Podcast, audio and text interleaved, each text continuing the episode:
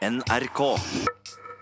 Og utakt er med godt humør på formiddagen på den første arbeidsdagen med ny tid, med sommertid. Ja, eh, sleit du? Med sommertid. Ja. Sleit med å sove i går kveld. Og gjorde du det, ja? Ja. Jeg sleit med å stå opp i dag morges. Jeg syns det føltes så alt, alt, alt eh, for tidlig. Mm. Men vi kan jo trøste oss med at eh, når vi først har fått sommertid, så var vi jo heldige som ikke fikk William Willett sin variant. Nei. Ja, For han var jo en liten sommertidpioner, da. Allerede i 1904 så foreslo jo han en form for sommertid eh, for å utnytte lysets, eh, døgnets lyse timer. Hvordan skulle vi gjøre det da? Eh, Da skulle du eh, flytte 80 minutter istedenfor en time. 80 minutter. Ja. OK, når skulle en gjøre det? Du, du skulle ikke gjøre det en engang, ser du. Nei. Nei, du skulle ta 20 minutter av gangen. Fire søndager i april skulle du stille klokka di 20 minutter av gangen. Og så når du skulle tilbake igjen, nøyaktig det samme, trappe opp med 20 minutter av gangen i september da. Jøss. Ja. Ka kaotisk og komplisert, tenker jeg, hvis det skulle gjøres på den måten. Jo, for så vidt, men, men langt fra så kaotisk som eksempel hvis du skulle reise innad i Norge når vi hadde lokaltid. Når vi hadde Lokaltid Når hadde vi lokaltid? eh, på 1800-tallet, eh, godt ut på 1800-tallet òg. Hva er lokaltid?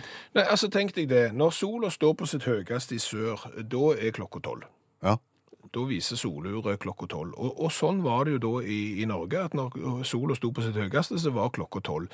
Men sola står jo ikke på sitt høyeste på samme tid på de forskjellige plassene i Norge. Altså fra havet i vest til Verdø i øst, så er det 1 time og 47 minutter i forskjell. Det er der. Og Betyr det at vi hadde ulike tider rundt omkring i Norge på slutten av 1800-tallet? Ja, ja, vi hadde det. Hvor, my hvor mye da? Eh, Reiste du fra Bergen til Oslo, så måtte du stille klokka 22 minutter. Reiste du fra Drammen til Oslo, så måtte du stille den fire. Det er jo litt stress, da. Eh, Fire minutter. Eh, Men det var sånn.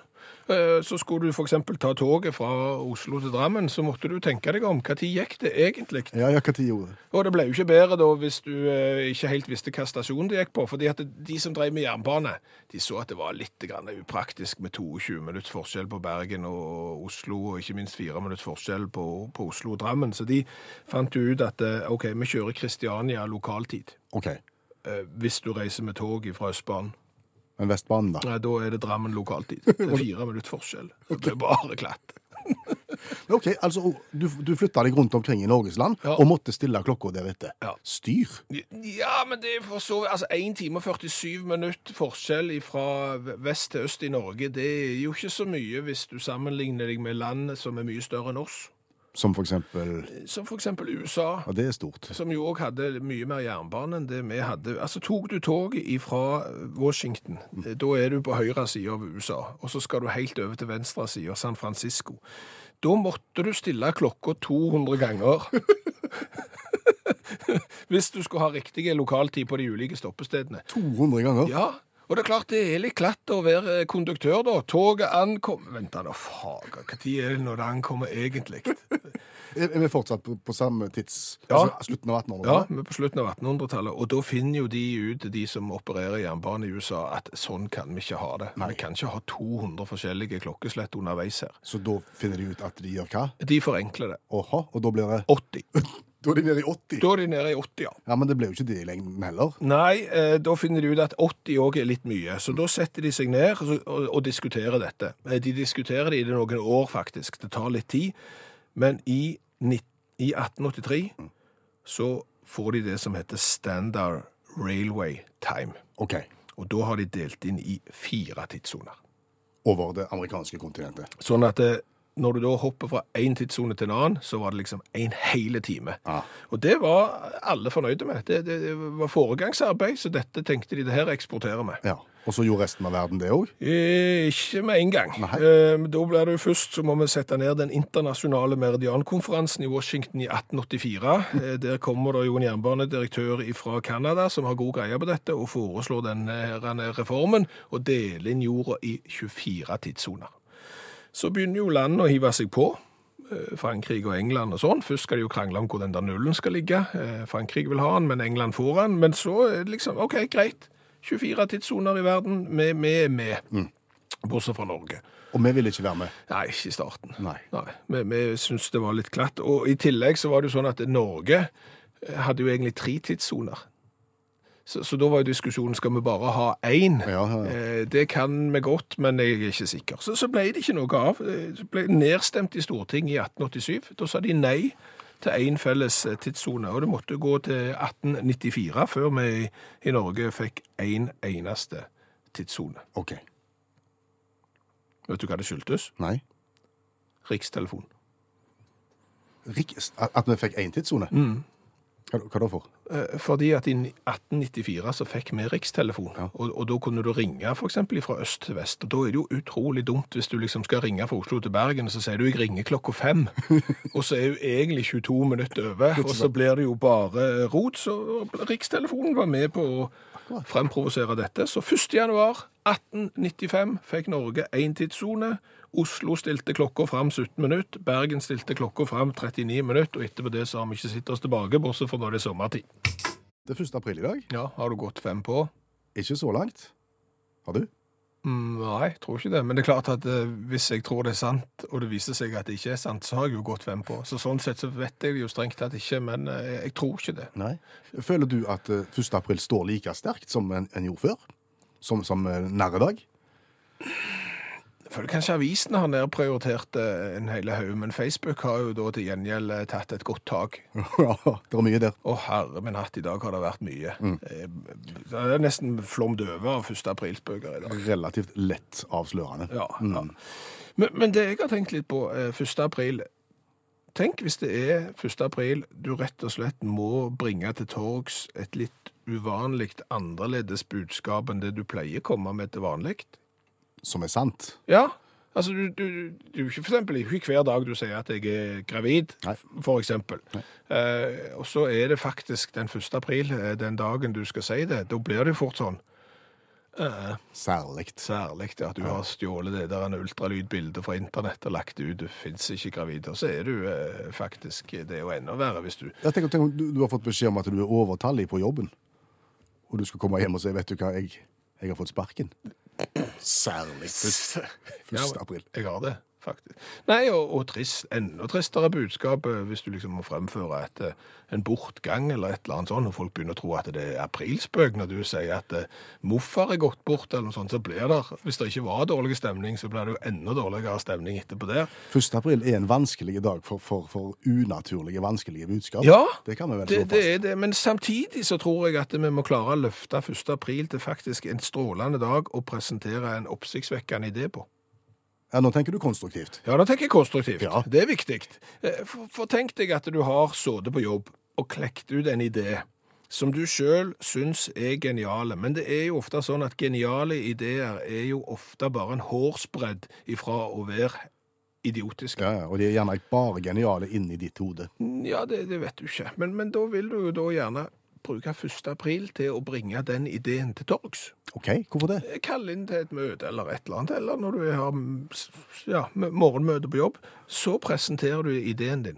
Og så kan du jo lodde stemningen da. Hvis de aller fleste bare hånler og flirer og synes at det her er det dummeste de har hørt, Ja. så er du raskt på banen og sier aprilsnarr.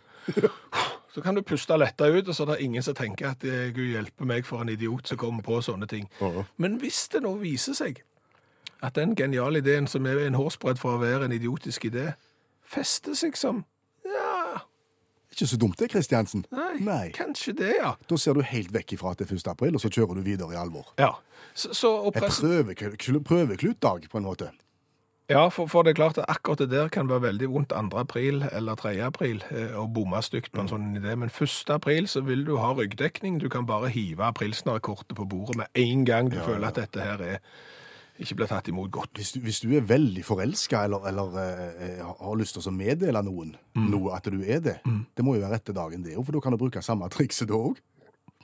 Hvis du får nei, da, så er det jo bare et aprilsnarr. Jo. Bare, tull. Jo, men, men eh, der må jeg få lov å tilføye en ting. Det er enklere da å si aprilsnarr eksempel hvis du er 13 år og har sagt til ei jente at du er forelska i henne, enn hvis du er 49. Da er det ikke, er det ikke så Det kler deg ikke. Da noterer vi det. Ja. Husker du barne-TV for veldig lenge, lenge siden? God bok. Når noen skulle lese bok for oss, ja. Mhm. Å, å få opp leselysten. Yes. Og så virka det ikke. Mm, kanskje på noen, men ikke alle. Nei. nei.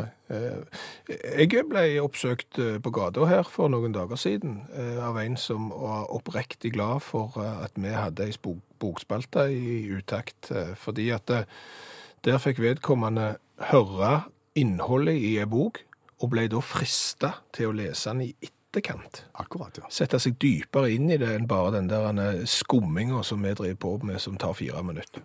For det er det som er konseptet vårt. En gang i uka så tar vi for oss en klassiker som alle burde ha lest, og så går vi gjennom den og, og lærer den på en fire-fem minutter, så vi kan framstå som om vi har lest den. Ja, så da kan du enten la være å lese den eh, hvis du ikke vil, for du kan litt om den, eller så kan du lese den sjøl fordi du syns den hørtes interessant ut. Yes. Vi har jo ikke lest den sjøl. Janne Stigen Drangsholt, forfatter og litteraturviter, leser for oss.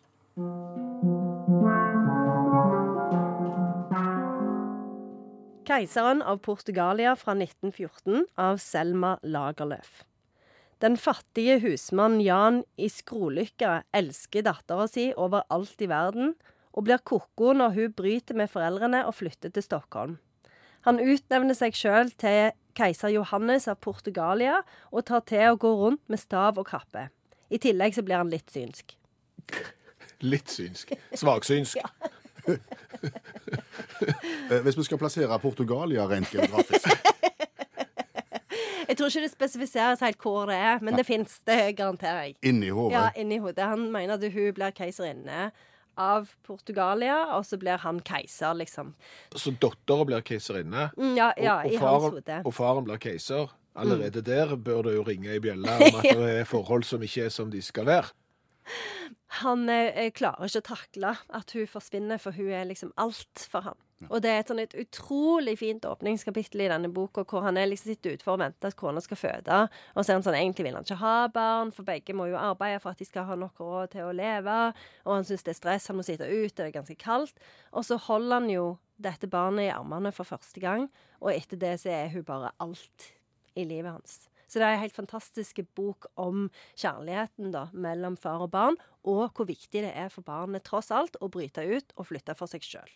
Ja, men Bryter hun ut fordi at hun er på eh, kant med foreldrene, eller er det bare fordi at hun blir så voksen at hun har lyst til å prøve seg for seg sjøl? Ja, det er en blanding, for det er jo liksom det er litt sånn, altså Den kjærligheten hans er veldig intens, da. Sant? Så det kan, hun, kan jo ikke, hun kan jo ikke være liksom fem år og bo hjemme alltid. Så det at det, han på en måte klarer ikke å akseptere det. Og hun eh, klarer heller ikke helt å liksom eh, bearbeide ordentlig før begge foreldrene er døde. Da. Det er det som skjer på slutten av boka. Da er begge to døde, og så skjer det en slags sånn forsoning i døden, da.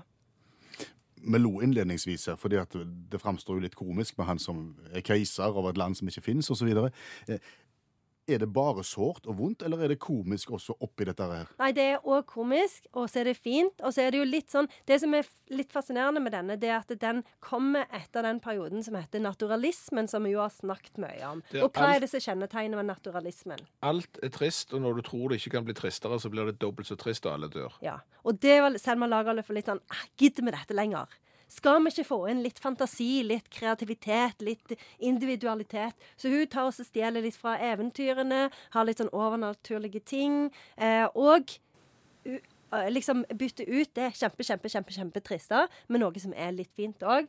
Og liksom troen på at kjærligheten tross alt kan lege en god del ting. For Hadde dette vært i naturalismen, så hadde også hun dødd til Ja. slutt uten at noe hadde blitt forsona. Ja, Eventuelt at du hadde blitt alkoholiker. Ja. ja. Og i den begravelsen også er det kjempefint, for det, alle kommer liksom, alle kommer i begravelsen hans. Eh, og, og selv om han har vært litt sånn som folk har ledd litt av, så er de glad i han likevel. Så det er liksom åh, det er veldig fint, altså. Han tar seg aldri inn igjen, og, og, og Nei, nei, nei. han er keiser han han er keiser hele tida. Ja. Ja, ja. Kommer statsoverhoder fra hele verden da i begravelsen, Nei, nei, siden han er keiser? Sånn... Altså kongen av Norge kommer og Ja, men litt sånn tilsvarende på en måte. For de kommer liksom disse storbøndene og sant. Det er liksom, der er, det er godt oppmøte i den begravelsen. Så, så dette er egentlig en sånn feel good-roman. Et berømt sitat. Ja, det har vi. Det er litt langt, da. Men i samme stund skjønte han hva som hadde satt hjertet i gang på ham. Og ikke nok med det. Han begynte også å ane hva som hadde vært feilen med ham i hele hans liv. For den som ikke kjenner sitt hjerte, verken i sorg eller i glede, den kan nok ikke regnes som noe ordentlig menneske.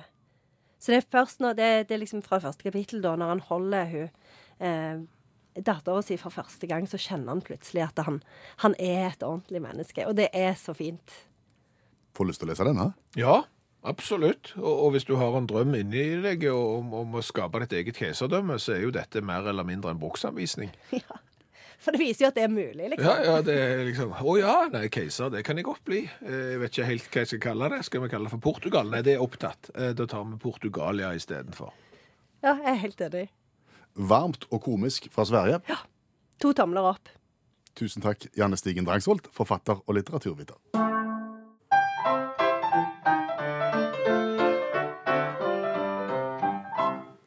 Fra mundur til moll. Det kan du si, på en måte. Ja. For her er dagens revyvise. Eh, En aktuell sak fra et eller annet sted i verden blir oppsummert eh, med en liten trall på 20-20 sekunder. Jeg tror nesten vi må komme med en bitte liten advarsel først i dag, OK. for det blir litt ekkelt. Rett og slett. Blir det litt ekkelt? Ja, eh, tematikken er litt grann vrien og, okay. og ekkel, men eh, Så er du under 60 år, så bør du gjerne ha følge foreldrene dine hvis du skal høre denne sangen. det, det vil jeg anbefale. Okay. Absolutt. OK, det går i gang. Ja. Eh, Du vet, klinkekuler, små kuler, ja. det er jo noe som barn gjerne leker med. Eller lekte med. Ja. Ja, ja. De leker med også. OK. Og eh, jeg husker jo advarselen, faren for at de på en måte kunne puttes inn og havne på feil plasser. Du, du skulle ikke putte de i nesen, og du skulle ikke ha de i munnen. og det kunne, Ting kunne være farlig med klinkekulene. Ja, ja. Du husker advarslene? ja. Eh, her kommer en sang om noe som gikk fryktelig galt.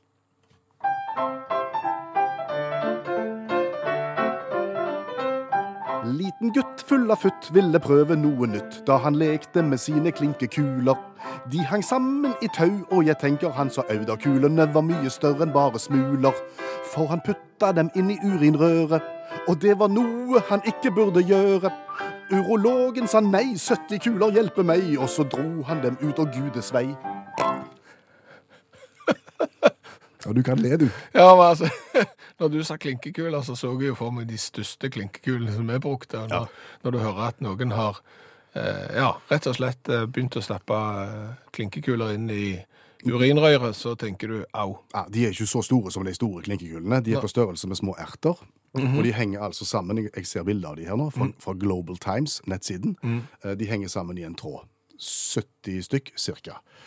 Eh, Dette er da en prepubertal, blir det sagt, 11-åring som eh, utforsker kroppen sin, og det er ikke uvanlig ifølge urologen. Nei, det trenger ikke være urolog heller for å vite at det ikke er uvanlig. Men akkurat det å begynne å, å stappe klinkekuler der eh, lyset aldri skinner, eksempel, eh, det er jo mer sjelden. Ja, ja, men som urologen sier, altså gutter i den alderen der vil utforske og prøve ting, og det, det er ganske mye rart han har henta ut fra samme plass, sier, sier urologen. Så han ble ikke overraska sånn sett, men han ble overraska over omfanget. Å ja. For 11-åringen kommer jo til legen med, med magesmerter. Eh, OK. Eh, Og, og, og legen begynner jo å spørre om hva som har skjedd, og får ikke helt tak i hva som har skjedd. Så blir det tatt et røntgenbilde. Og da får en tak i hva som har skjedd. Skulle likt å sitte i røntgenbildet med, med 70 bitte små runde kuler. I tråd innover, som, er, som er i ferd med å, å havne inn i blæren, og da er det absolutt fare på ferde. ja. Så her må noe gjøres. Okay.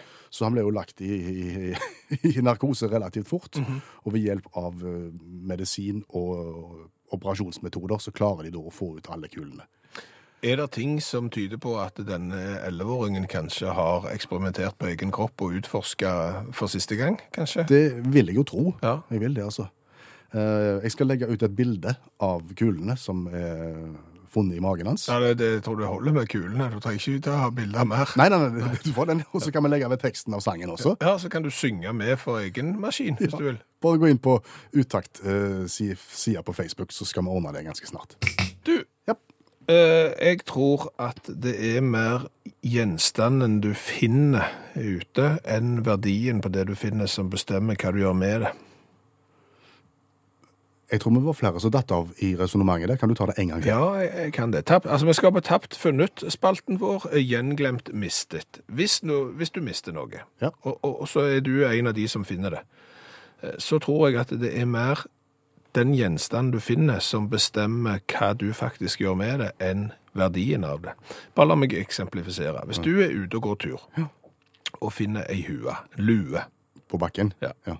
hva gjør du da? Da henger jeg den opp på et gjerde eller på et tre eller et eller annet i nærheten som, som gjør at han viser litt bedre. Med tanke på at den som har mista den, sikkert kommer tilbake og leter. Og kanskje det samme hvis du fant en eh, genser eller en eh, sånn allværsjakke, eh, Gore-Tex-jakke eller sågar en dunjakke har jeg funnet, så henger du den opp da på en gjerdestolpe eller et eller annet sånt, at da kan noen komme tilbake og finne den. En sånn allværsjakke, Gore-Tex-jakke, dunjakke, kan jo fort ha en verdi på 15 2000, 3000 eh, kroner. Eh, Det henger vi opp på en gjerdestolpe. Hvis du hadde funnet en konvolutt med 3000 kroner, hadde du hengt den òg opp eh, der på et tre? Nei. Da hadde en kanskje gått til politiet. Ja.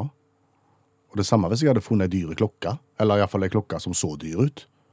Ja, du hadde ikke hengt den heller opp på nærmest eh, Nei. Nei.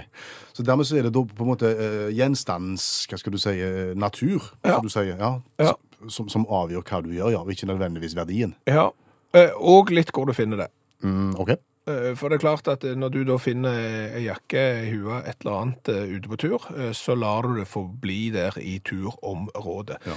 Hvis du finner ei lommebok ute på gata, så havner gjerne den hos politiet eller hittegodskontoret. Finner du en lommebok på et kjøpesenter, Ja, Hittegodsavdelingen.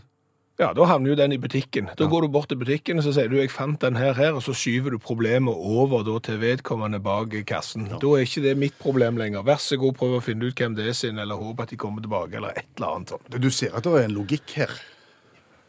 Fordi at eh, hvis du henger opp ei jakke som du har funnet, så, så er det ikke hvem som helst som bare tar den, hvis den skulle være uærlig. For det må jo være jakka som eventuelt passer en tjuvradd som skulle komme etterpå.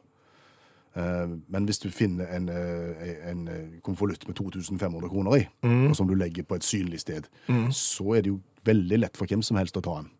Det er jo penger er universelt. Ja, ja. Jakke er for så vidt lett å ta det òg. Men eh, om du har hatt inntrykk av at hittegodskontoret sto sterkere før? Hittegodskontoret. Ja. Jeg vet ikke. Kanskje det. Jeg tror ikke ungene mine har hørt ordet hittegodskontor engang. Jeg tror aldri de i verden hadde visst at det var der de skulle gå hvis de skulle eh, levere tilbake noe de hadde funnet. Så jeg føler hittegodskontoret sto eh, sterkere før. Men du, nå skled det litt ut. Ja. Men du, eh, apropos å finne ting. For den der eh, verdien av det du finner, og hva tid du eventuelt går til politiet med det, eller går til Ja, ja. butikken eller noe sånt, det er jo en variabel ting. Ja, jeg tror den henger gjerne sammen med konsumprisindeksen. I hvert fall med tanke på, på størrelsen av mynt, seddel, som du finner på gata, og, hvorvidt du tar den opp eller lar den ligge. Jeg tror vi tok Lar du den ligge? Ja, hvis, du, hvis du ligger en, et et kronestykke så et kronestykke, ja. En femkroning kan også bli liggende. Ok. Tikroning, fins det? Ja, Slutt å bruke eh, seddel, men, men, men tar du opp eh, Altså 500 kroner. Eh, går du til politiet med 500 kroner? ja, det tror jeg. OK. 400? Vet ikke. Nei. Vanskelig. Nei, det, det, det, det er vrient, det der. Eh, Men jeg, jeg fant tomflasker, jeg. Tomflasker? Ja, I butikken. Hvordan finner du tomflasker i Nei, altså, jeg, jeg skulle gå og pante på, eh, på lørdag. Eh, re- relativt rett før stengetid. Og så hadde jeg med meg rikeslikt. Jeg hadde med meg to sekker med pant. For det gjør jeg sånn eh, når jeg må. Ja, ja. Og så begynner jeg, og så ser jeg jo der med panteautomaten, så står det en sekk med tomgods ved siden av panteautomaten. Og det er ikke sånne flasker som ikke maskinen vil ha, som noen bare har kasta? Nei, det er ikke colabokser fra Tyskland, eh, eller sånne ja, Nei, det er gangbare flasker. Ja, det er ikke rusbrusflasker og, og den slags. Så kikker jeg oppi der så tenker jeg, ja, ja, det er kanskje noen som er inne og handler, så har satt han fra seg fordi at de skal pante etterpå. Men jeg hadde jo så mye pant at jeg sto jo der veldig lenge, og ingen kom. Og butikken var jo nesten tomme, for det var rett før eh, stengetid. Så tenkte jo jeg da at det er sikkert noen som har satt fra seg disse tomflaskene fordi at det var kø med panteautomaten når de kom, og dette her gidder jeg ikke. Ok, det er kanskje 50 kroner i tomflasker, men vanner i det får så være. Kan jeg ta de da? Gjorde du det? Jeg tok to flasker. Og så slo samvittigheten inn? ja, jeg tenkte, mann 49 ble tatt på fersken fordi han panta andre sine flasker. da, da tørte jeg ikke noe mer, så lot jeg han stå, og så var det sikkert de i butikken som panta han etter stengetid. Kanskje tok de pengene sjøl, kanskje ga de til Røde Kors, vet ikke. Hva har vi lært i dag? Å, vi har lært mye. Bra. Jeg har blant annet lært noe av Marius, at tapt og funnet kan brukes rent pedagogisk, for i den barnehagen der som han jobbet, så fant de en giftering. Oi. Eh, Og så gikk ungene da hjem i barnehagen og lagde lapper som de hang opp på stolper at de hadde funnet giftering, og vips, der var det en jogger som hadde mista gifteringen. Så det er bra. Jeg har òg lært at det går an å stjele de rareste ting. Eh, En som hadde innbrudd i bilen der noen stjal én sko. Én sko, ja. Ja, lot den andre ligge igjen. Eh, eneste de tok fra bilen var én sko. En enkel mokkasin. Må ikke forveksles med en enkel bekkasin. Nei, det må det ikke. Eh, Så har vi jo lært det at eh, 1. april er jo en litt vanskelig dag hvis du har et litt uvanlig budskap å komme med. Ja, hvis det er sant. Ja, for eksempel, jeg er gravid. Det er jo ikke noe du sier hver dag. Så viste det seg at det var 1. april du måtte si det. Og så, nei, april snart, tull og tøys. Jeg har mista jobben. Ja. april snart. Faktisk mista jobben, ja. Samtidig så er jo 1. april en strålende dag å presentere en oppsiktsvekkende idé på på jobb. Som eh, ikke nødvendigvis trenger å bli en suksess. Du er litt usikker på ideen din. Ja, den kan være idiot, idiotisk, men den kan òg være genial. Eh, Så da, hvis du lanserer den da i et møte på 1. april, så har du alltid den at du kan legge 1. april-snarkortet på, på, på bordet Ja, Hvis du ikke får den responsen du tenker og Ja. ønsker, ja. Så, så det var bare en spøk. Ap- Aprilsnarr. Smart. Så har vi jo skifta til sommertid, og vi skal vel være glad for at William Willett ikke fikk viljen sin i 1904. Ja, for han ville ha en firtrinnsinnføring av sommertid. Ja, han ville stille klokka fram 80 minutter, Eh, og det skulle han da gjøre i fire steg. 20 minutter av gangen, fire søndager i april. Også fire søndager motsatt i september. Ja. Oktober. Ja. Så har vi lært det at 11-åringer i Kina kanskje utforsker kroppen sin på litt rare måter. Mm, Du tenker på han lille venn med klinkekuler inn nedentil. Ja, 70 små klinkekuler på størrelse med erter oppi urinrøret. Det som jeg ikke helt skjønner, jeg skjønner kanskje at du prøver med én, Ja. men at du liksom fortsetter med de 69 andre, det har jeg eh, problemer med å skjønne. Jeg er helt enig med deg. Eh, Så har jeg fått en melding her. Ja. Eh, På lørdag så jeg i min lokalbutikk julebrus. Oi. Og jeg har ikke sett julebrus der etter nyttår, så det vedkommende da lurer på, er dette rekordsein eller rekordtidlig julebrus? Hør flere podkaster på nrk.no podkast.